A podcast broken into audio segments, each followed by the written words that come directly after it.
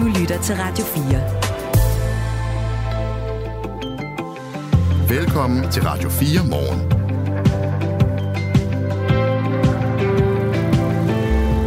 Hjertelig velkommen. Jeg hedder Kasper Harbo. Jeg hedder Michael Robach.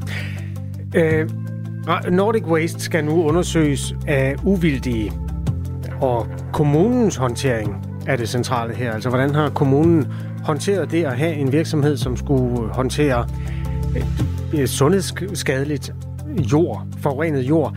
Den her sag, den øh, er man nu nået frem til i et flertal i Randers Byråd, at den skal undersøges uvildigt. En af dem, der stemte ja til det, stemte nej for tre uger siden. Han kan være interessant at tale med om lidt, så det gør vi. Om hvad der har ændret sig.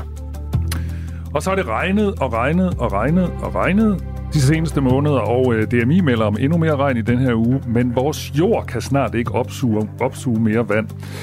Og øh, det går jo ud over øh, masser af mennesker, huse, haver, øh, marker og alt muligt andet øh, står under vand. Men det går også ud over vores gamle kulturelle bygningsværker og slotsruiner. Flere melder nemlig om fare for jordskred og mursten, der falder sammen, og bygninger, der har det skidt med alt det her øh, regn. På Hammershus Slotsruin, der frygter man også mere regn. Der er nemlig, øh, der er nemlig øh, Slotsruin er nemlig særlig udsat øh, for regn og blæst. Den historie har vi til jer om øh, cirka 10 minutter. Hammershus, det er Nordbornholm, ikke? Det er jo. den deroppe. Jo, så, ja. så højt op, som det kan blive. Jeg spørger, fordi det kunne være meget fedt at lave et lille Danmarks kort over, hvor regnen efterhånden begynder at øh, bygge vores samfund om. Jeg har noteret mig et par steder i København, hvor der sådan er blivende, blivende ja, nærmest søer. Og der er også kommet en sø i Mindeparken i Aarhus ved dronningen Margrethe, den anden af Danmarks øh, sommerresident, Marcelsborg Slot. I den der grønne park, der er simpelthen kommet sådan en lille sø, hvor mågerne går og hygger sig. Den kan vi også lige tegne ind på Danmarks kortet over, ja, det ombyggede Danmarks kort, som regnen nu øh, efterhånden har lavet til os. Det er heller ikke længere muligt at løbe rundt om den sø, der hedder Brabrandsøen i Aarhus. Øh, der er simpelthen vand over stierne. Okay. Så øh, det, det er sådan et af dagens sms-emner. Vi skal lige have tegnet Danmarks kortet over, hvor regnen simpelthen har bygget vores land om. Du kan skrive til os på nummer 1424. Det vil vi være glade for. Skal vi ikke også øh, en tur til Rusland? Det skal vi nemlig øh, efter meldingen om øh, den russiske oppositionspolitiker Navalny's død i fredags, så er flere hundrede vis af russere blevet anholdt for offentligt at vise deres støtte til den afdøde. Og han betød nemlig meget for de russere, som gerne ser en anden leder end Putin. Og også for mange russere i Danmark, der er meldingen om hans død noget, der rammer hårdt. Øh, vi skal blandt andet tale med Daria Wagner. Hun øh, bor i Danmark og er russer, og, og hende taler vi med efter nyhederne klokken halv syv. Der er noget med, Trump har fået lavet et par nye sneakers. Ja, de er i guld. Så er der vist også et amerikansk flag på. Er, har du set dem? Nej. Nå, men vi kan lige finde billeder af dem øh, lidt senere. Ja, er der, er der historiepotentiale i det? Er det et interview? Ja, ja, ja.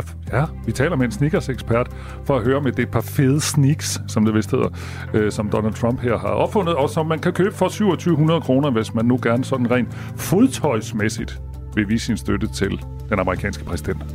Var det noget? Det, jeg tænker lige. Ja, skal se. 8 over 6. Godmorgen. Godmorgen. Nummeret er 1424, hvis du vil skrive til os. Du lytter til Radio 4. Et flertal i byrådet i Randers stiller et forslag om en uvildig undersøgelse af kommunens håndtering af Nordic Waste-sagen.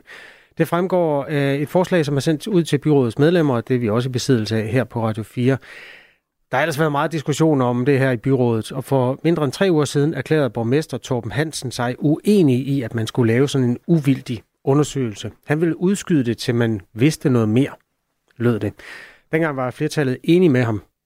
16 ud af 31 byrådsmedlemmer er nu altså bare for en uvildig undersøgelse. Daniel Madier fra Konservativ er en af dem. Godmorgen. Godmorgen. Du har jo så ændret standpunkt her, fordi du vil ikke have en uvildig undersøgelse før. Nu vil du gerne, øh, det, det kan vi gå ned i, hvad der har ændret sig om lidt, men altså først og fremmest, hvad, vil, hvad er grunden til, at du gerne vil have en uvildig undersøgelse, og af hvad? Hvad er det, der skal undersøges? Nå, men jeg synes altid, det er en god idé at, at, at kigge lidt øh, bagud og se, øh, hvad, kunne man have gjort ting bedre, øh, nu vi har en, en, en stor katastrofesituation her i, i Randers. Øh, det tror jeg mange vil gøre i, i sådan en hver situation, hvis der er sket en eller anden katastrofe. Så lige kigge tilbage, hvad skete der, og hvad kunne man gøre bedre, og hvad kan vi lære af? Så det er årsagen til, at jeg gerne vil have den. Og så spørger I, hvorfor jeg har ændret holdning. Nej, det spurgte jeg ikke om endnu. Det, sagde jeg, det skal vi tale om om lidt. Men først så vil jeg gerne høre, hvad er det præcis, der skal undersøges?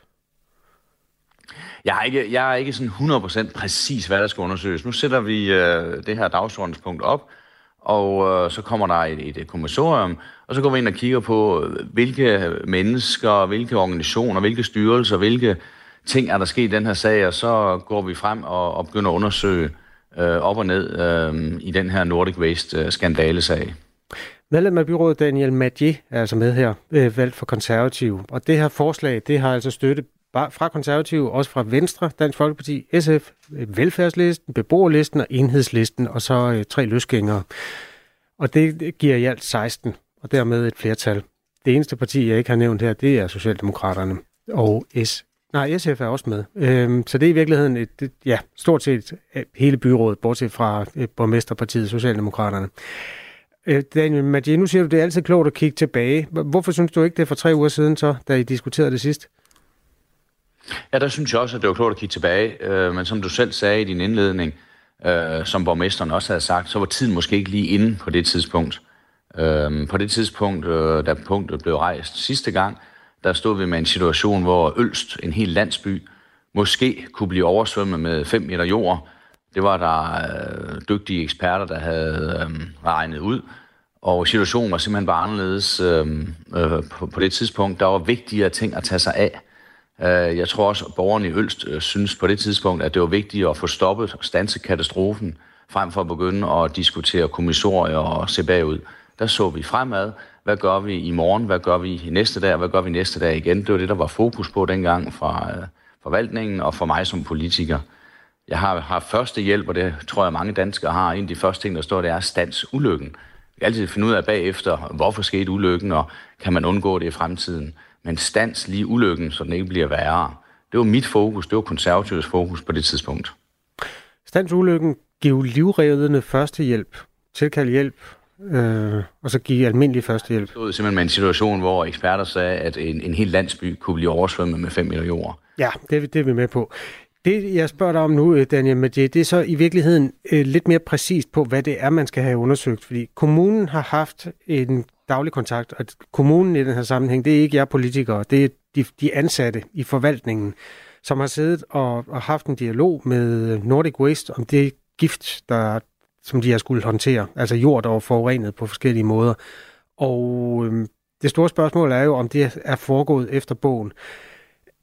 Hvad er dine egne øh, sådan forestillinger om kommunens rolle i det her? Altså, når du beder om at få den undersøgt, så ligger du der i, der kan være lavet nogle alvorlige fejl i kommunen.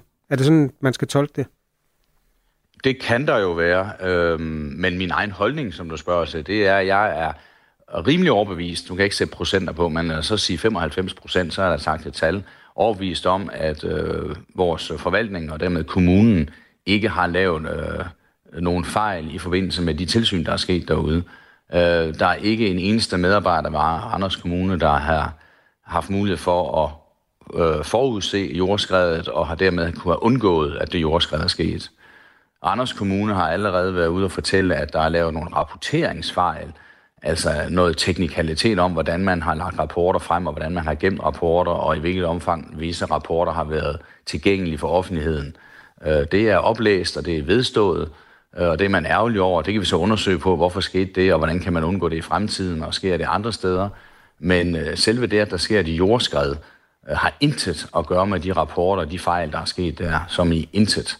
Vi har et af Danmarks, måske Danmarks øh, største konsulentfirma inden for sådan noget øh, med jordskred og jordhåndtering. Det hedder GEOS, eller noget i den retning hedder firmaet, har jo også været ude at sige, at årsagen til jordskredet øh, simpelthen har noget at gøre med den måde, som virksomheden Nordic Waste har håndteret deres jord på. Det har også noget at gøre med, om man øh, undersøgte, hvor mange jordskred, der har været på den type ler, og det gjorde man jo ikke. Og det har vist sig efterfølgende, ifølge en ekspert fra Geus, at det er, det er ret logisk, at den type glatler øh, giver mulighed for jordskred. Spørgsmålet er så, om det var Nordic Waste eller Randers Kommune, der burde have forudset det. Du føler dig 95% sikker på, at øh, Randers Kommune ikke har gjort noget forkert. Nu har du lige listet nogle, nogle fejl op, som kommunen har lavet. Hvordan når du op på, at det så er 95 procent sikkert, at kommunen ikke har lavet flere fejl? Ja, som lige sagde, nu har jeg sat et tal, det kan også være 90, så kan det også være Okay. 96 procent. Nå. Ja. Det, jeg når frem til, det, det er, at, øhm, at virksomheden har fået nogle tilladelser til at lave et jordtip, hvilket en række andre virksomheder rundt omkring i landet også har. Det er jo ikke Danmarks eneste jordtip. Og øh, jeg er selv bestyrelsesformand i en virksomhed, der har en meget, meget stor jordtip. Vi har drevet den siden 2007. Det vil sige, Fortæl lige, hvad det er for en virksomhed, Daniel Mathieu. Det er en meget interessant oplysning. Det her, det er Randers Havn.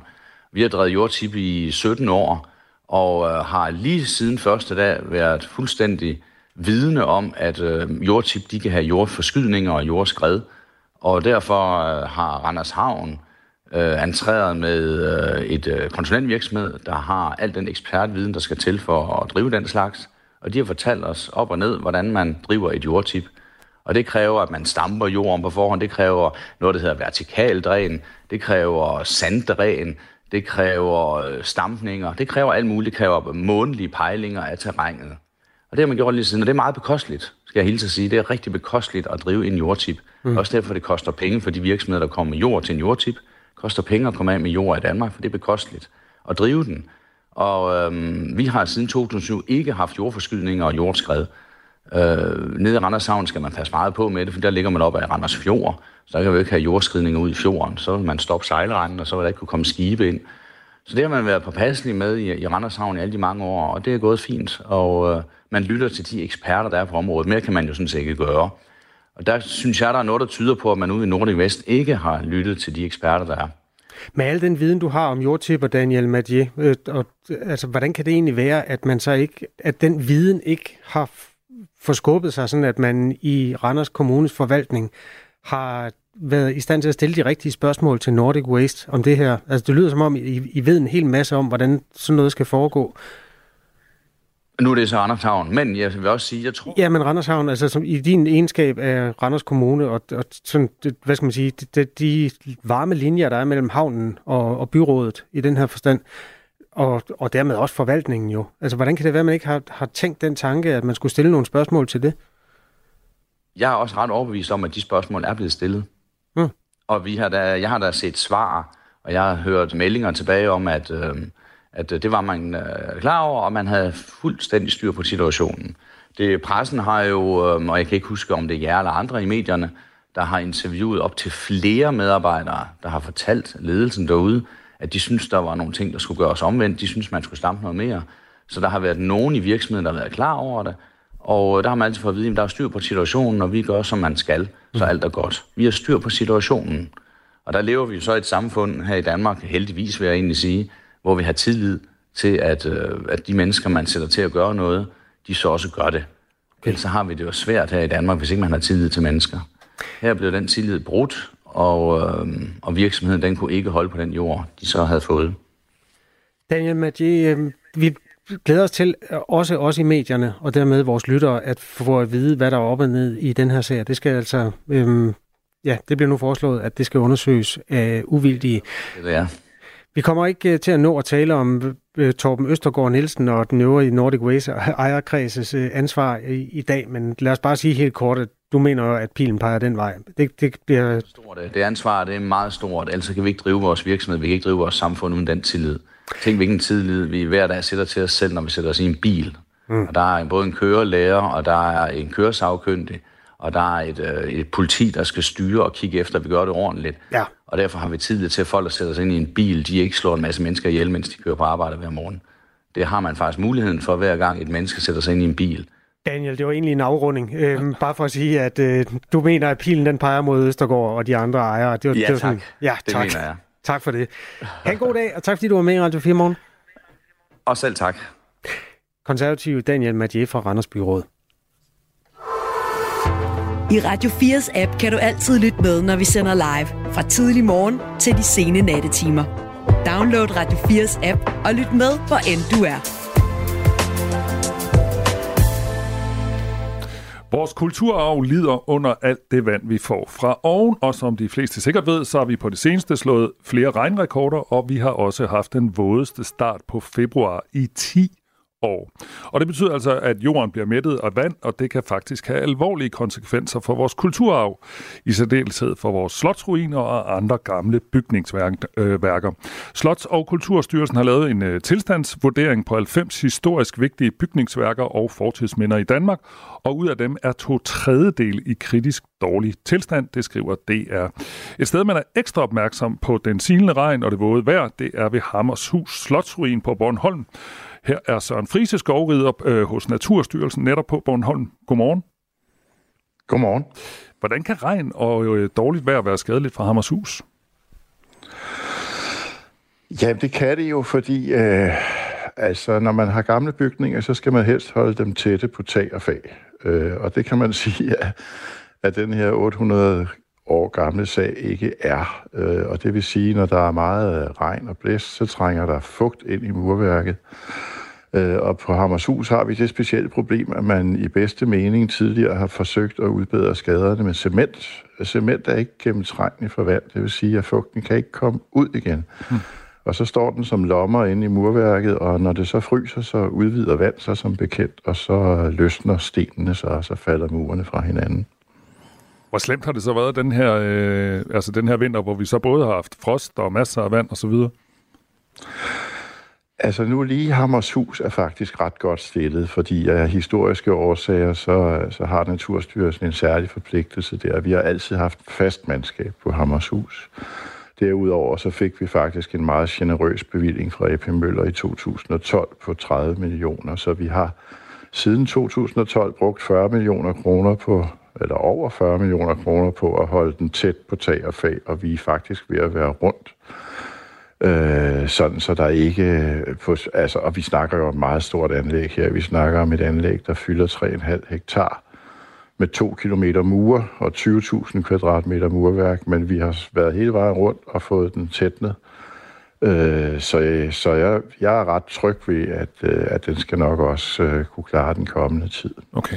Vores, vores problem lige nu er, at, øh, at der er opstået en akut skade på en, en meget, et meget stort murflade, der vender ud mod øh, vest øh, hvor der, der er simpelthen lavet noget byggesjusk, det må vi sige, der for 800 år siden. Så den, er, den ydermur er simpelthen ikke forbandt med, med muren bagved. Og den er ligesom begyndt at bule ud og truer lidt med at kaste sig selv i havet. Så den kommer vi til at bruge en hel del opmærksomhed på. Og der har Kulturministeriet været så venlig at donere øh, 8 millioner i år, så vi kan få gjort noget ved det Okay. Har det noget med vind og vejr at gøre? den her udbulning på den væg, eller er det bare byggesjusk? Ja, det har det jo også, for du kan sige, hvis den var helt tæt for, for vand, og altså hvis der var en tæt klimaskærm, som man kalder det, ikke, så, så ville vandet jo ikke kunne trænge ind og begynde at mørne det her murværk, så ville det stå øh, lukket og, og mere fast, end det gør nu. Så det, det er jeg sikker på, at vand spiller en rolle her. Som du også lige sagde, Søren Friese, så har I jo folk, der går og øh, kigger på det og fikser det hele året rundt. Som jeg forstår det, så har I tre murer er det rigtigt øh, forstået? Ja, og øh, det, det er fuldstændig rigtigt. Og, og de to er så øh, på grund af ekstern hjælp fra fonde og, og i det her tilfælde Kulturministeriet. Men jeg har altid en fast mand på, en fast murer. Og det er simpelthen bare fast arbejde at gå og reparere på øh, Hammershus? Det er simpelthen fast arbejde, ja. Hmm. Og vi var i en frygtelig situation der for, for, for, for altså der tilbage i Ja, jeg kom til Bornholm i 6, der var vi lige ved at måtte lukke store dele af ruinen, fordi den var i et accelererende forfald. Det er ligesom, når, når det først får fat, så bliver det værre og værre. Øh, så, så vi rev os i håret og tænkte, hvad gør vi her? Vi, vi var tæt på at måtte lukke den her seværdighed, som jo betyder utrolig meget for Bornholms turisme. Øh, men heldigvis fik vi så hjælp fra AP Møllerfonden og, og fik reddet den med det yderste af neglene. Men det er jo også kan du sige et eksempel på, hvor omkostningsfuldt det i virkeligheden er, når man, øh, når man først skal have fat i sådan nogle ruiner. Mm. Du har fået en sms, det er fra en, der hedder Tony. Han skriver, det er en ruin, så hvis den falder sammen, så er det vel stadig en ruin. Altså, kan der være noget om det? Jamen, er det ikke det, det er? Det er en ruin, og så falder den lidt sammen, og så bliver den lidt dårligere. Men det er en ruin.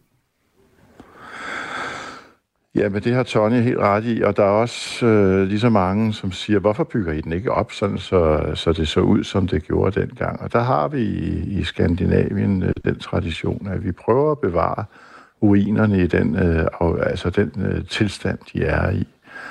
Øh, har, lige Hammershus har været ombygget mange gange, og, øh, og en del af, af det, vi går og passer på nu, er faktisk af, af relativt nyere dato, fordi det, der er nogen, der har restaureret før os.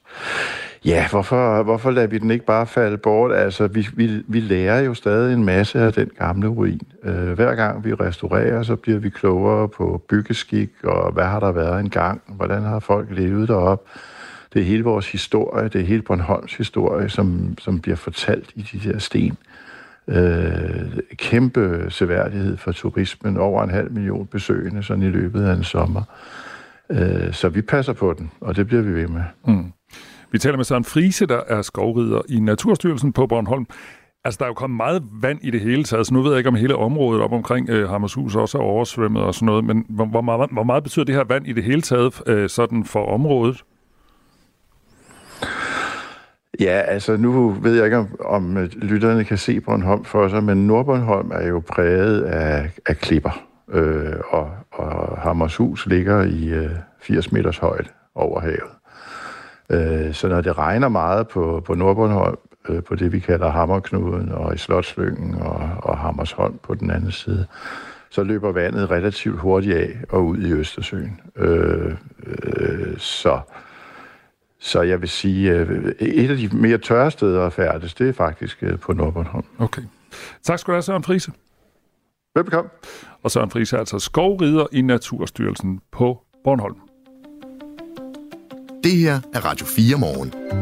Husk, at du kan sende os en sms 1424. Oh, it's a bit short. Hoyland, what a massive opportunity. Round the keeper, Hoyland! Oh. Højlund. Højlund. Det lyder helt hollandsk. Rasmus strikes within the first minute. What a start for United. Ja, så blev den danske fodboldspiller Rasmus Højlund historisk. Hvor mange kampe har han scoret i træk? Øh, seks. Ej, hvor lækkert. Ja. Da Manchester United i går spillede mod Luton, der scorede Rasmus Højlund i øvrigt to mål. Og han kunne nemlig blive den yngste spiller nogensinde til at score i seks Premier League-kampe i stræk. Okay, ja, der er en statistik til alting. Det er der nemlig. Og lad os lige, altså du ved, lad os lige dvæle ved det et øjeblik. Det er verdens bedste liga. Kæmpe store navne har spillet der. Og nu blev det altså Rasmus Højlund, der øh, blev historisk. Fordi efter 36 øh, sekunder, så bragte han Manchester United foran, og, øh, og han scorede igen efter 7 minutter.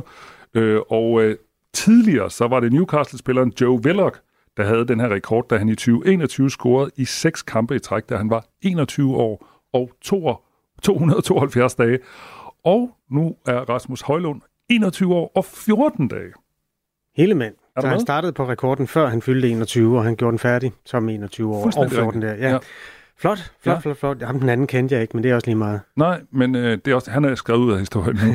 og så blev der faktisk to rekorder mere, som man kan sige, hmm, dem har Rasmus Højlund jo sådan set øh, også en ære i, fordi hans mål, hans, øh, mål der, der blev scoret efter 6-37 sekunder, det er det hurtigste Manchester United nogensinde har scoret på udbane i en Premier League-kamp.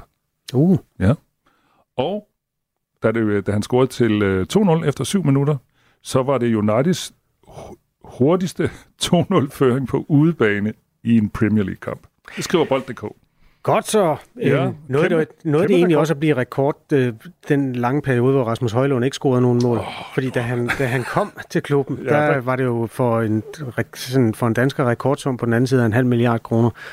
Og han så godt nok ud, men han, han lavede jo ingen mål de første 10 kampe eller sådan noget. Om os, der godt kan lide Rasmus Højlund, vi siger, det var fordi, de ikke spillede ham. Ja, det gør de stadigvæk ikke. Han spiller sammen med ham, den krop umulige Spanier der, Ignacio. Nå, det skal nok gå så. United er ikke i fare for at rykke ned eller noget i år, men de er heller ikke i fare for at blive mestre. Det ser ikke sådan ud. Men øh, tillykke til Rasmus Højlund. Det her er Radio 4 morgen. Husk, at du kan sende os en sms 1424. Der er mange sådan, små historier i bunken i dag. Sådan nogle historier, som måske bliver store, fordi at øh, at vi godt kan lide at diskutere i det her land. For eksempel er der en kvinde, der hedder Karoline, som øh, tre gange har oplevet, at bussen kørte forbi hende. Det lød sådan her. Seriøst, man kan jo ikke bruge offentlig transport, hvis det er, at man ikke kan få lov til at komme med. Vi har ventet i 40 minutter ved et i februar, og det er pissekoldt, og sådan bare seriøst op ad bakke. Og så er diskriminerende egentlig også over for folk, der har klapvogn med. Når hun bruger ordet irriterende, så forstår alle det. Når, nogen, når hun bruger ordet diskriminerende, så deler det vandene noget mere. Hen her, Karoline Lindgaard, hun har oplevet noget, der er super, super irriterende. Nemlig, at bussen tre gange kører forbi hende. Der er simpelthen ikke plads til flere klapvogne. Øh, Movia har plads til to i de der busser, to klapvogne, og de pladser var taget, så hende og hendes søn, de stod der og måtte bare se busserne køre forbi. Men diskriminerende. Ja, det så jeg i hvert fald. Der var nogen på de sociale medier, der øh, sagde, ah, diskriminerende er det vel ikke.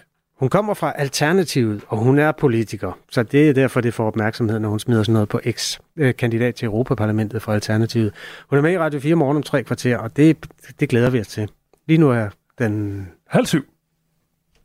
Nu er der nyheder på Radio 4. Mindst 150 personer er blevet idømt fængselsstraffe i Rusland for at mindes oppositionspolitikeren Alexei Navalny. Det skriver nyhedsbureauet AFP med henvisning til en lokal russisk domstol. De fleste anholdelser er sket i den russiske hovedstad Moskva og i St. Petersborg. Navalnys politiske bevægelse stod stærkest i de to store byer. Alene, alene i storbyen St. Petersborg er 154 personer blevet idømt straffe på op til 14 dages fængsel. Det skyldes, at de har demonstreret efter, at det kom frem, at politikeren er død i et russisk fængsel. For eksempel var demonstranter i St. Petersborg lørdag mødt op ved et monument for offerne for politisk undertrykkelse i Sovjetunionen. De fremmødte sang salmer og tændte lys, og der blev også lagt blomster og sat billeder frem af Alexei Navalny. Demonstranterne blev derefter anholdt. Det skyldes, at det i Rusland i praksis er ulovligt offentligt at give udtryk for kritik af regeringen og præsident Vladimir Putin. En hemmelig notits om den terrordømte Ahmed Samsam understreger behovet for en dybere undersøgelse af det politiske niveau. Det siger formanden for Folketingets retsudvalg, Steffen Larsen fra Liberal Alliance til Berlingske. Sofie Levering fortæller. Ifølge en ny bog, skrevet af Ahmed Samsam og berlingske journalist Jens Anton Bjørnager, blev notitsen i 2018 sendt fra politiets efterretningstjeneste PET til Justitsministeriet. Her stod, at PET og Forsvarets efterretningstjeneste FE på et møde i juli havde aftalt, at Samsam skulle hjælpes til Danmark. En notits om mødet blev så sendt til Justitsministeriet i august 2018, men i november sendte PET en revideret version af notitsen. Det hævdes i bogen, at den nye version var identisk med den første, men afsnittet om, at Samsam skulle hjælpes hjem, var væk. Det lyder lidt vildt. Det er ikke til at vide, hvad der ligger bag ændringen i notitsen, siger Steffen Larsen til Berlingske. Synspunktet bakkes op af Frederik Våge, professor i forvaltningsret ved Syddansk Universitet. Det er jo politisk bestemt, at man ikke vil undersøge det her område, men der er bare så mange uklarheder omkring Justitsministeriets optræden, at det, efter min opfattelse, kalder på en undersøgelseskommission, siger Frederik Våge til Ritzau. For lidt over to måneder siden blev SVM-regeringen og SF enige om, at Samsamsagen skulle undersøges. Det gælder dog primært efterretningstjenesternes eventuelle ageren i sagen, og altså ikke det politiske niveau herunder Justitsministeriets ageren. Enhedslistens retsordfører Rosa Lund og Dansk Folkepartis retsordfører Peter Kofod mener, at oplysningerne fra bogen gør, at den nuværende aftale om en undersøgelse ikke er tilstrækkelig. Typisk er det personale, der fordeler medicin i æsker til alle ugens dage til hovedsageligt ældre mennesker, men fordeling af medicin kan gøres med maskiner på apotekerne, og den metode vinder frem. I december 2021 var antallet af månedlige brugere på dosispakket medicin 32.000, men i slutningen af december sidste år var antallet i ordningen steget med 42 procent til 46.000 personer. Det skriver magasinet Momentum, der udgives af kommunernes landsforening. Der er omkring 125.000 borgere, som får hjælp til at fordele medicin til alle ugens dage, og flere og flere får det altså fordelt af maskiner. Og det er en positiv udvikling, siger professor emeritus i sundhedsøkonomi Kjeld Møller Pedersen. Det giver en bedre kvalitet i medicineringen, og det aflaster plejepersonalet, siger han. Gråvejr de fleste steder i dag, og perioder med lidt regn, dis eller tåge. Stedvis kan der dog komme korte kig til solen. Det var nyhederne her på Radio 4. Dem stod Asbjørn Møller for. Det her er Radio 4 morgen. Husk, at du kan sende os en sms på 1424. Lige om lidt, øh, Kasper, så skal vi tale om et par sko til 2700 danske kroner. Det er der mange sko, der koster. Ja, men øh, det her det er altså et par helt nye sko. Det er Donald Trump, der har lanceret et par sneakers, guld sneakers, med det amerikanske flag på. Jeg har med vilje ikke åbnet linket endnu, fordi jeg vil gerne få åben mikrofon have den der dejlige overraskelse af sådan et par sko, der kan gøre America great again. Men skal vi så ikke sige, når vi kommer til historien om 5-7 minutter, så øh, kigger du på skoene for første gang, og så kan du se, om det lige er noget for dig, Donald Trumps nye guldsko. Det er en komplet god idé. Mange kvinder synes, det er ubehageligt, at de skal vejes i løbet af deres graviditet, og nu sætter formanden for Dansk Selskab for Almen Medicin også spørgsmålstegn ved, om det overhovedet er nødvendigt. Øh, hun er med øh, 10 minutter i syv. Er det ikke der, vi er cirka? Jo, det er omkring.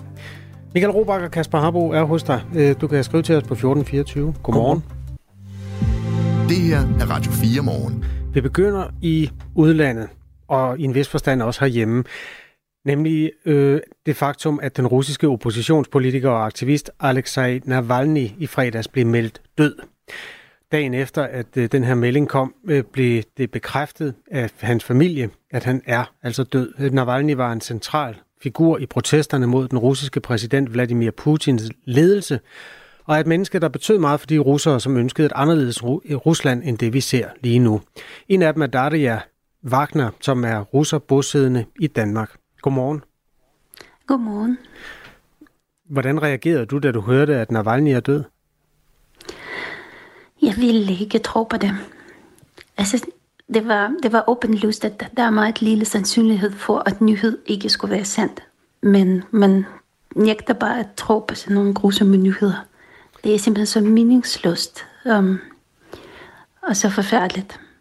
Hvordan fik du det at vide? Uh, det var faktisk Britta Kvist fra Danmarks Radio, der har sendt mig en besked, mm. som var bare sådan følelseslæsigt øh, følelsesmæssigt lavet sådan over. Og så tænkte jeg, nej, nej, nej, nej, nej, det er ikke sket. Så, så, så hun skrev ikke engang direkte, hvad det var sket, men det var sådan et, et emotionelt udtryk. At, at hun har stærke følelser. Og så vidste jeg med det samme, at den var helt gal. Okay. Alexej Navalny, han øh, offentliggjorde for otte år siden sit kandidatur til præsidentvalget i Rusland to år senere, men han fik ikke lov at stille op, fordi han er dømt for bedrageri. Øhm, Alexander Navalny har afsonet en fængselsstraf siden 2021, og i december sidste år blev han overført til en fangelejr i Sibirien. Ifølge fængslet fik han det dårligt efter en god tur og døde kort tid efter i politiets varetægt. Hvad tænker du, når du hører de detaljer om, at han døde på den måde, øh, Daria Wagner? Altså, lad os sige det sådan, han er ikke død, han er myrdet. Der er overhovedet ikke noget tvivl, at Putin har bare gennemført det, han har planlagt for tre år siden, da han har forgiftet Alexei Navalny med Novichok. Mm. Um, der er rigtig mange små detaljer, der peger på, at det var ikke et naturligt dødsfald. Nu venter vi lige, at hans krop skal være udleveret til familie og advokater og blive um, obduceret, så, så bliver det muligt måske at nærmere fastslå, hvad han døde af. Hvad er det for nogle ting, der for dig antyder, at han ikke døde en naturlig død? Ja, ja det er timing. Altså det, det lyder som Putin har forberedt sig grundigt ved at placere ham nord for Balarcykel. Dels så for at vanskeliggøre undersøgelsen, dels for at forhindre, at der er et minested, hvor folk kan valgfarte hen for at mines ham. Um, jeg tror ikke, det var noget tilfældighed, at han har uh, arresteret tre af hans advokater lige før nytår, at Alexei var forflyttet til den her koloni så langt væk nordpå. Um, Putin har haft planer for at gøre det af med Alexei. Også alle omstændigheder omkring selve meddelelsen, og hvad de andre fanger fortæller. Og der, der er mest... Hvad fortæller de andre fanger? Ja, der, andre fanger har fortalt, at allerede den 15. om aftenen, aftenen før Alexei var blevet uh, dræbt, tror jeg, um, så, så har der været rigtig stor indskærpning af regler. De fik konfiskeret alle mobiltelefoner og gennemgået alle deres private ting. Altså noget af den kaliber, en, en retssag, um, det, det sker meget sjældent. Så de vidste, der er noget øh, ikke er. Så de vidste bare ikke præcist hvad. Jeg taler med Daria Wagner, som er russer bosiddende i Danmark. Vi taler om Alexander Navalny, der altså blev meldt død i fredags, og lørdag bekræftede hans familie, at det var tilfældet, at han altså er død. Øh, du er en af de russere, som også stiller sig meget kritisk over for Putin. Hvad betyder det for dig, at der var sådan en fremtrædende modkandidat, selvom han sad i fængsel? Jeg kunne rigtig godt, jeg kunne rigtig godt lide hans program, hans vision for Ruslands fremtid som et europæisk demokratisk land, og hans handlingsprogram. Og uden ham, så er der lidt for mange usikkerheder og mulige skileveje, og for mange spørgsmål i det hele taget, hvordan Rusland kommer til at udvikle sig i fremtiden. Vi er i kæmpe sorg, alle russer udenrigs, men det er klart værst for dem, for de russer, der er i Rusland. Jeg har fået rigtig mange beskeder hen over natten, at de føler sig fuldstændig isoleret, at de har ikke lyst til at leve, og de, har, de kan ikke se formål med livet længere, eller de vil flugte ud af Rusland nu. De kunne holde det ud, fordi Alexei var der. Der var stadig et håb. Men nu er det håb ligesom slukket for rigtig mange millioner mennesker, og de har det rigtig hårdt lige i øjeblikket. Hvad fik dem til at tro, at han nogensinde ville komme ud af fængslet? Hvis jeg, undskyld, hvis jeg spørger lidt respektløst, men når først man bliver sendt til Sibirien, så er det ofte øh, fatalt. Altså troede I på, at han ville komme ud fra fængslet igen?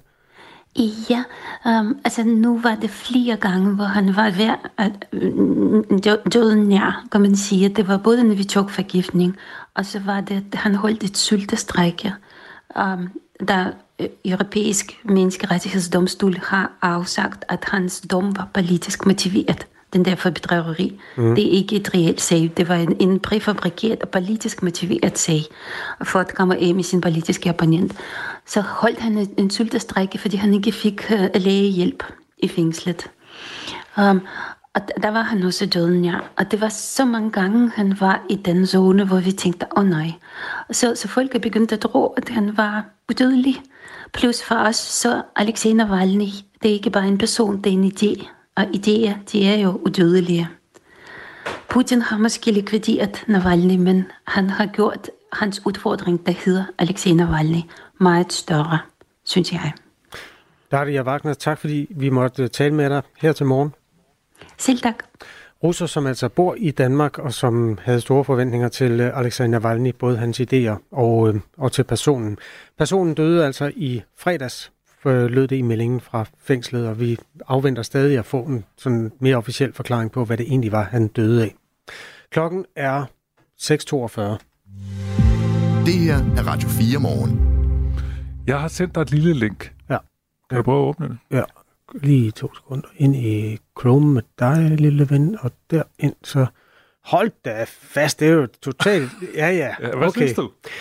Jeg har været i Las Vegas, der er sådan et stort uh, Trump-hotel, der, hvor der bare står Trump på, og det er helt guldfarvet. Ja. Det ligner simpelthen, øh, ja, det ligner en stor guldbar, der er stillet lodret i ørkenen. De her sko, de øh, har fuldstændig samme vibe. Ja. Det, det er noget af det mest shiny øh, fodtøj, jeg nogensinde har set. De har røde såler, skal man sige, øh, og så nogle, nogle hvide kanter rundt langs med. Resten, det er bare guld, og så nogle stjerner op på... Øh... Det er det amerikanske flag. Nå. Som på, på hælen, kan du se det? Ja, okay, det kan jeg faktisk ikke se, men jeg kan forestille mig, du har ret. Ja, og det vi taler altså om, det er et par nye sneakers, altså nogle højskaftede, nogle lidt ligesom sådan nogle basketballstøvler, mm. som øh, Donald Trump har lanceret, og det ligner jo lidt noget, en eller anden rapper eller et eller andet kunne have fundet på at opfinde. Men det er altså Donald Trump, der nu sælger nogle guldsnickers med flag på hælen, og hvis du er interesseret, ja. er du det? Jeg er ikke uinteresseret, men det er måske mere fænomenet end selve fodtøjet. Okay. Jeg skal godt nok en tur til USA i marts faktisk. Det kunne da være interessant at gå med dem og se, hvad der sker. Så skal du lige spare lidt op. Det koster 2700 kroner. Men jeg synes egentlig ikke, det er så galt igen. Nå. Altså, det er, det er jo det er det pure guld. Men det er jo et spørgsmål om smag. jeg tror ikke, det er guld-guld. Nå, ved du hvad, øh, Kasper, lad os lukke øh, en ekspert ind i den her snak om de her sko. Øh, Jannik Vestergaard, godmorgen. Godmorgen. Du er sneakers-ekspert, og så er du medejer af noget, der hedder Street Bill. Hvordan reagerede du, da du så de her, yes. øh, da du så de her guldsko, som Don, øh, Donald Trump nu øh, har sat til salg? Altså, jeg reagerede ikke så voldsomt. Jeg tror ikke, at det har skide meget med, med sneakerkulturen at gøre. Jeg tror ikke, det har en stor effekt. Øhm, det, det, vi, det vi kunne inddrage, det var lidt, at det var lidt mere politisk og økonomisk betydning øh, end det havde mere med sneakerkulturen at gøre. Så vi var ikke så, vi var ikke så betaget af det, som man kunne have været. Men når du ser på det nu, øh, skrev, øh, beskrev min kollega Kasper dem lige, altså det er sådan nogle guldsko, og så er der sådan en amerikansk flag på hælen, og så er der en rød sål, og sådan hvide kanter. Øh, hvis du sådan bare forholder ja. dig til dem som sneakers, hvad synes du så om den? Øh, jeg synes, den er lidt voldsom. Øh, jeg vil sige, den er, den er meget amerikansk. Øh, den, tager simpelthen, den drager også inspiration fra en Jordan 1 High, øh, som er helt klart en af de mest kulturelle og mest største sko, der er solgt i hele USA, øh, hele verden, øh, lige bortset fra Nike Air Force. Så den, den, den ligger så meget op af, op af den helt normale amerikanske kulturelle øh, sko, hvis man kan sige det sådan. Øh, og vi, vi tror ikke i Europa, at den vil have særlig meget interesse, men det kunne godt være, at Aarhus sagde, at de er helt vilde med den. Jeg kan se, den, den har sådan en titel, Jannik, noget med Never Surrender High Tops. Altså, der ligger sådan en politisk uh, budskab i det. Er, er det en amerikansk yes. ting, at uh, en sko, de, de, de sådan nærmest uh, sender en eller anden one-liner ud i samfundet om, hvad man står for? Altså, det, derover der går de i hvert fald rigtig meget op i, at altså, du skal i hvert fald have styr på dine sneakers. Øhm, og det, de signalerer meget, hvad, hvad, hvad, hvad, hvad du egentlig består for, hvad kan man sige. Så ja, 100%, det har 100% betydning, øhm, det her med never surrender. Øh, og så, altså, det vil også sige, det, det beskriver jo Donald Trump meget godt. Øh, altså, det er, jo, det er jo lidt det her rigtig Trump-fænomen. Han er jo rigtig en proud man, står det ego jo. Mm. Øh, altså, det sker den sko her jo også bare. Men du tror ikke, altså medmindre man er Trump-fan, eller man samler på ting, så tror du ikke lige, det er sådan en, øh, at man kan sælge mange af i Danmark? Nej, det er ikke noget, der kommer til... Altså, det, vi tror ikke, det er noget, der kommer til at, til at rykke overhovedet, og vi tror slet ikke, det er noget, der har interesse i Europa. Altså, det, det vi ser, det er lidt mere, at det er et, det er et håb om at vinde et, et yngre segment ved at, ved at appellere igennem deres interesse og deres kultur derovre. Øh, det har ikke så meget med sneakerkulturen at gøre, og det, det er et meget atypisk tidspunkt, han gør det, men nu har han selvfølgelig, øh, nu har han selvfølgelig lige nogle, en lille gæld, han skal have betalt af, så jeg ved ikke, om det kunne måske have noget at gøre med det. Men med dit kendskab sådan til amerikansk kultur og sneakerskultur, tror du så, den kan få et øh, liv i USA? Øhm, altså man ved jo aldrig lige med de sko der, det, det kan godt være en stor labyrint for at forudse, hvad, hvad, hvad der har fremtidspotentiale. Jeg vil sige, at lige præcis den her sko, den vil jeg nok ikke tro øh, kommer til at skabe særlig meget interesse, både fordi den er så, den er så ekstrem at se på, og så er der amerikanske flag på. Det er ikke det, man ofte ser øh, inden, man også ser ofte, at det er et collab med en, med en kendt rapper, eller en kunstner, eller, eller en, hvad kan man sige, en, der har lidt mere betydning i streetwear-branchen, øh, frem for de mere politiske holdninger. Det er ikke, det er ikke, så, det er ikke så typisk. Okay. Tak skal du have, Jannik Vestergaard. Det var slet. Og Jannik er altså øh, sneakers-ekspert og medejer af det, der hedder Street Bill. Og øh, Kasper, hvis du skulle få lyst til at købe en Trump-parfume, så kan du også købe den på den samme hjemmeside, som du kan købe øh, de her sko. Øh, den hedder Victory 47, fordi hvis han vinder, så kan han blive præsident nummer 47. Den kan du også lige overveje. Nå, altså man får et nyt nummer, fordi der har været en anden en indimellem. Ja, det vil jeg tro. Nå, det undersøger vi lige. Ja. Okay, øh, og Donald Trump, der bliver refereret til en gæld, han har, det handler blandt andet om øh, bøder, som han har fået for nylig, øh, efter undersøgelser af, om han har løjet om sin formueforhold. Der fik, øh, det nåede man frem til tallet 355 millioner dollars. Så skal han sælge nogle sneakers. Ja, øh, 2,5 milliarder danske kroner. Det er et øh, forrygende kapløb med tiden, øh, alt hvad der foregår omkring USA. Det, det her det er altså den ene af to præsidentkandidater, som nu har sendt guldsko på gaden. Klokken den er 12 minutter i syv. Skilsmisse, livskrise og en familie, der pludselig skal være to. Jeg har jo faktisk levet et liv med en person, jeg overhovedet ikke ved, hvem er. Lyt med, når Marie Slå McFordrup taler med en kendt dansker om det, der sker, når man bliver skilt. Tit og ofte kunne jeg jo lugt på sikkerhedsscenen. Han har kørt rundt med sekretæren, hendes parfume stang sig, det var nærmest som om, han havde et forhold nummer to til hende. Lyt til Skilsmissen i Radio 4's app. Du får jo ikke bare lige tæmmet en playboy. Eller der, hvor du lytter til podcast. Det med 47, det er rigtigt nok. Donald Trump var præsident nummer 45, så kom Joe Biden og blev præsident nummer 46. Og så bliver han så nummer 47. Hvis man har får to øh, perioder i træk, hvad der også har kunnet lade sig gøre for Obama og andre, så har man kun et nummer. Ah, så fik vi det på plads. Klokken er 12 minutter i syv. For mange gravide er det en ubehagelig oplevelse at træde op på vægten hos lægen eller jordmoren under deres graviditet, det fortæller flere kvinder til os på Radio 4. Sundhedsstyrelsen anbefaler læger og jordmøder at veje gravide kvinder minimum tre gange i løbet af graviditeten. Og det fokus, der i dag er på vægt hos lægen, trænger til at blive set kritisk på, det mener Bolette Friedrichsen, der er praktiserende læge og formand for Dansk Selskab for Almen Medicin. Godmorgen. Godmorgen. Hvad er det præcis, du mener, der skal ses kritisk på? Jamen, øh, øh, jeg kan da godt forstå, at der er nogle kvinder, der synes, det er ubehageligt at få at vide, at hvis de har et BMI over 27, så er der noget i vejen med deres krop. Øh, BMI på 27 er jo ikke i dag ret meget set sådan i forhold til, hvor vi gennemsnitligt ligger. Jeg tror, det er cirka halvdelen, der har et BMI på 27 eller derovre. Så, så øh, lige netop det her med at få at vide, at, øh, at du har en forkert vægt, det, det er jo altid ubehageligt, det er altid stigmatiserende. Der er jo selvfølgelig en grund til, at vi vejer dem.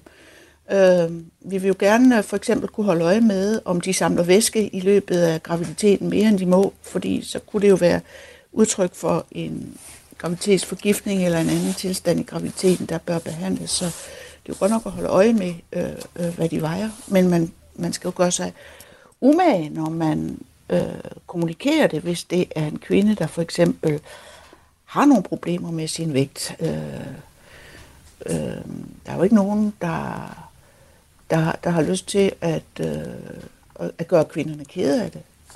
Så det du siger, det er, at hvis man har i dag, hvis man har et BMI på over 27, så, så, kommer, så bliver man automatisk øh, for eksempel testet for øh, graviditetssukkersyge og den slags ting. Og der, der, ja. der tænker du, vi skal måske lige være lidt mere forsigtig med at bare sige til alle med et BMI på over 27, fordi det er der mange, der har, at de så bliver sat ind i sådan en, en hvad skal man sige, sådan en pakke her, hvor man skal undersøge alt muligt.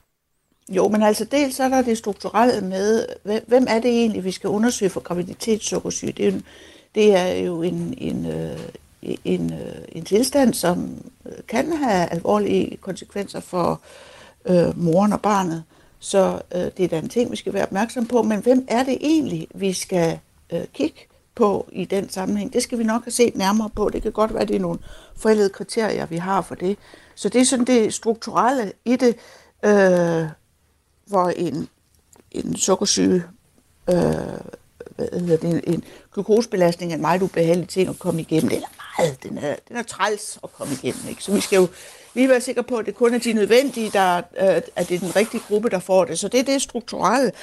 Og så er det det personlige også. Hvis du for eksempel har en kvinde, der har haft øh, en spiseforstyrrelse førhen, så skal du være lidt omhyggelig med, hvordan du signalerer, hvis hendes vægt er forkert, fordi det kan jo sætte nogle helt forkerte reaktioner i gang i hendes hoved, hvis hun har haft nogle problemer med den her vægt før. Mm.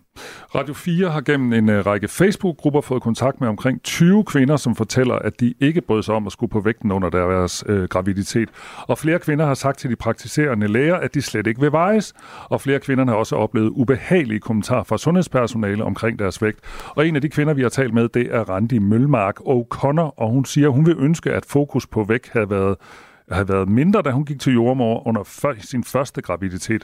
Her fik hun nemlig at vide, at hun gjorde skade på sin krop og sit barn, fordi hun havde taget for meget på i forhold til Sundhedsstyrelsens anbefalinger. Det er da rigtigt. Man skal selvfølgelig holde øje med vægt. Det skal man også.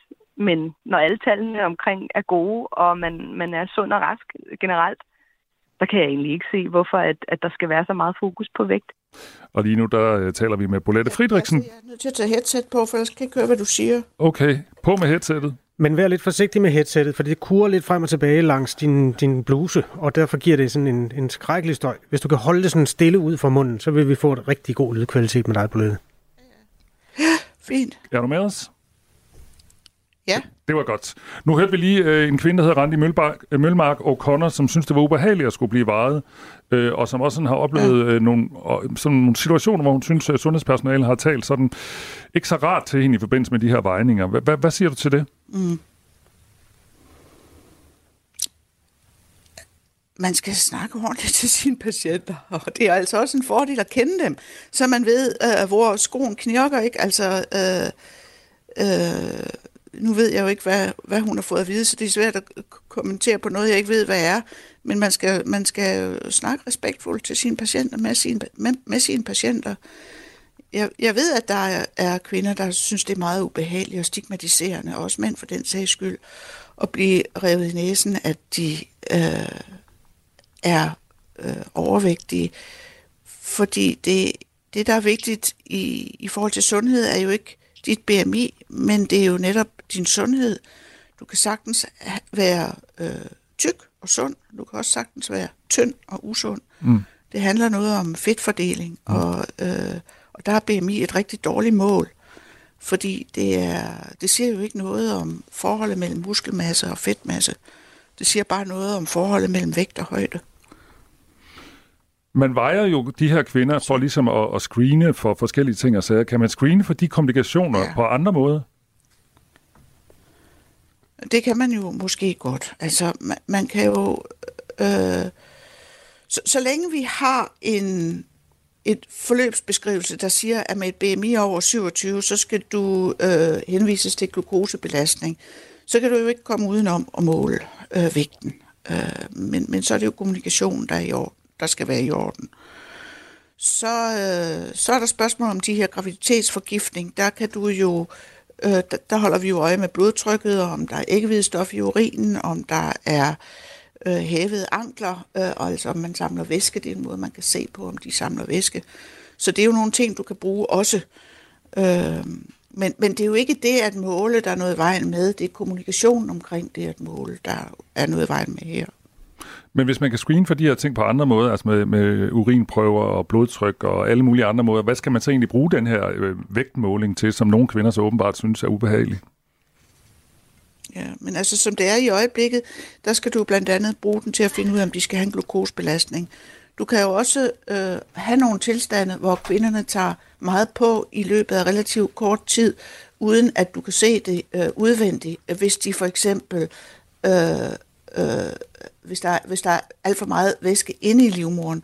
Og der er også nogle tilstande der, som vi skal holde øje med øh, ved hjælp af øh, vægten. Så bare lige for at forstå det rigtigt, øh, Bolette Frederiksen, øh, du synes godt, man kunne se på, altså i forhold til BMI, altså man skulle gå lidt mindre sådan slavisk til værks at sige, alle over, over, øh, der har et BMI over 27, skal ikke nødvendigvis sådan øh, sættes på i, ind i alle mulige systemer, hvor man skal undersøge alt muligt, men du synes egentlig godt, man kan blive ved med at veje folk, eller hvad? Kvinder? Mm. Altså, vægten har jo betydning for rigtig mange ting. Det er jo også, øhm, øh, altså som sagt, indvendige og udvendige væskeophobninger. Der, der er vægten jo et rigtig godt mål, fordi at der kan du jo se i løbet af dage og uger, hvis der sker et eller andet øh, øh, uhensigtsmæssigt. Så, øh, men, men det, der er noget i vejen med, det er kommunikationen omkring, øh, Øh, overvægt, altså øh, om, om man er øh, fed. Ikke? Altså der, der, er det jo, der er det jo vigtigt, at vi signalerer respekt for de kvinder, der har den vægt, de nu har. Øh, det er ikke sikkert, at der er noget galt med deres helbred, selvom de... Altså, og fortælle kvinderne, at de er forkerte, fordi de har en vægt på sådan og sådan. Det er der, det er der hvor jeg synes, vi skal være omhyggelige med vores kommunikation. Hvilken, hvilke kvinder, der skal have en glukosebelastning, øh, der, det, det, det er et større analysearbejde. Det handler om at finde ud af, hvem der er i særlig risiko for det. Og der kunne jeg godt være fortaler på, for at øh, øh, vi sammen med Sundhedsstyrelsen fik set på, om et BMI på 27 nu er det rigtige sted at øh, skære, eller om der skal være en anden måde at finde de kvinder, der øh, skal øh, undersøges, screenes for graviditetssukkersyge. Jeg mener jo ikke, vi skal, øh, vi skal jo ikke veje, hvis ikke det har en funktion. Og hvis der er nogle andre måder, hvor vi kan finde øh, de kvinder, der skal undersøges for graviditetssukkersyge, hvis der er nogle andre måder, vi kan gøre det på, så synes jeg at det, det vil være interessant at se på. Tak fordi du var med her, Bolette Frederiksen. Ja, selv tak. Og Bolette er altså formand for Dansk Selskab for Almen Medicin og praktiserende læge. Og vi taler med Randi Mølmark O'Connor, som vi lige hørte en lille smule fra øh, i det her indslag. Og hun havde det altså svært med at blive vejet under sin graviditet, og hende taler vi med, når klokken er cirka 20 minutter i 8. Og øh, så kan jeg også sige, at vi arbejder på Radio 4 på et interview med Sundhedsstyrelsen om øh, deres retningslinjer for vejninger under graviditeten. Øh, vi øh, satser på, at den relevante medarbejder, som vi har prøvet sidste uge at få fat på, er tilbage fra vinterferie. Så øh, mere om det forhåbentlig i morgen. Det her er Radio 4 morgen.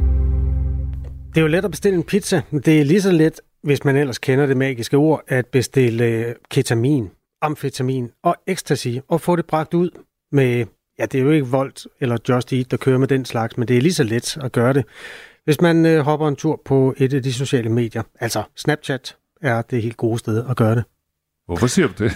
Fordi vi skal... Jeg går ikke ud fra din reklame. Nej, og der sidder også altid nogen og, og tænker, hvad nu hvis de siger ordet i radioen, så er der en hel masse unge mennesker, der skynder sig ind og bestiller en masse ecstasy. Og der bliver jeg nødt til at sige, fordi jeg ved, at den sms kommer om cirka 5 minutter, de ved godt, hvordan man gør. Dem, der skal bruge ecstasy eller lignende, de ved godt, at ordet er Skyfall, altså kendt fra, øh, ja, altså en James Bond-film i virkeligheden.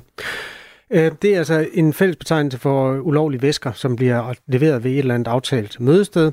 I det her tilfælde, så er det også væske til e-cigaretter øh, med indhold af ulovlige stoffer, som ketamin, amfetamin og ecstasy. Det er altså måden at få det ind på. Prisen er 300 kroner for 50 ml, og så reklamerer jeg ikke mere, men vi går øh, sådan lidt, lidt mere ombord i den her historie med lederne af en lokal ungdomsskole, som også godt ved, at de unge mennesker kender det her system. Han er med i Radio 4 morgen om 5 minutter. Og dine værter her til morgen, det er Kasper Harbo, Michael Robach, og på nyheder, der har vi Asbjørn Møller. Du har lyttet til en podcast fra Radio 4. Find flere episoder i vores app, eller der, hvor du lytter til podcast.